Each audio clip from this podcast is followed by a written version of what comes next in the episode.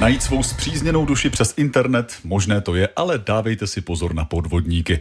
E, typují si osamělé muže a ženy na seznamkách a umí skvěle manipulovat.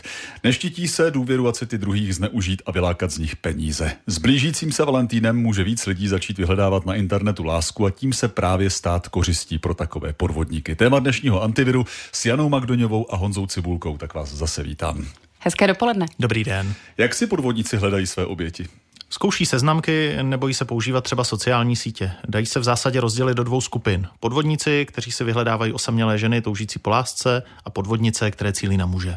Té první skupině ženu na seznamce osloví muž. Většinou bývá dobře zajištěný a pohledný. Může to být americký voják, šéf nějaké firmy nebo třeba manažer známé osobnosti, včetně těch českých. Začnou si psát a velmi rychle ženě projeví velmi silné city.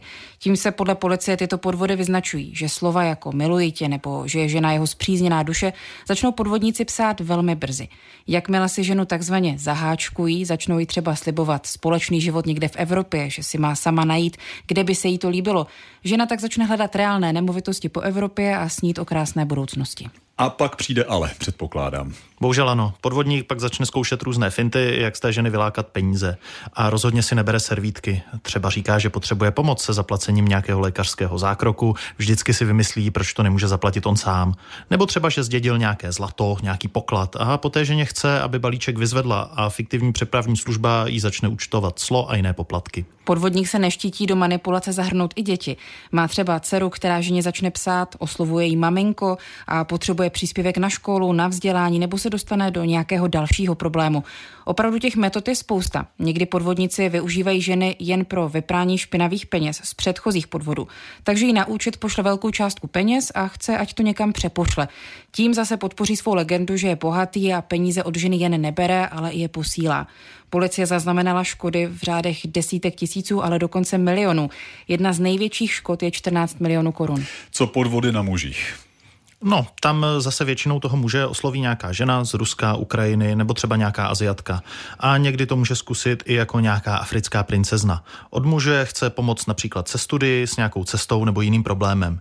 Víc než na lásku v těchto případech podvodnice cílí na sexuální touhy mužů. A opět ubíjí ty oběti zmanipulovat tak, že jí pošlou velké peníze. Dá se takový podvod nějak spolehlivě odhalit?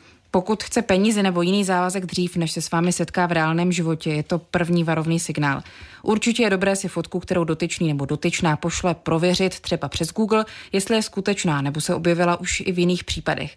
Ale ani to nemusí být jistota. Podvodníci můžou generovat fotky přes umělou inteligenci, můžou využívat i videa a tvořit si na první pohled velmi skutečnou identitu. Navíc jsou i případy, že žena odhalila, že jde o podvodníka. Ten jí to přiznal a omlouval se a žena se zamilovala i do něj. Ten pak pokračoval v manipulacích a okrádání, takže spolehlivé odhalení je téměř nemožné. No a policie má problém, že ti lidé se následně většinou stydí, nechtějí tedy přijít na služebnou všechno oznámit, protože se cítí špatně, že se nechali napálit.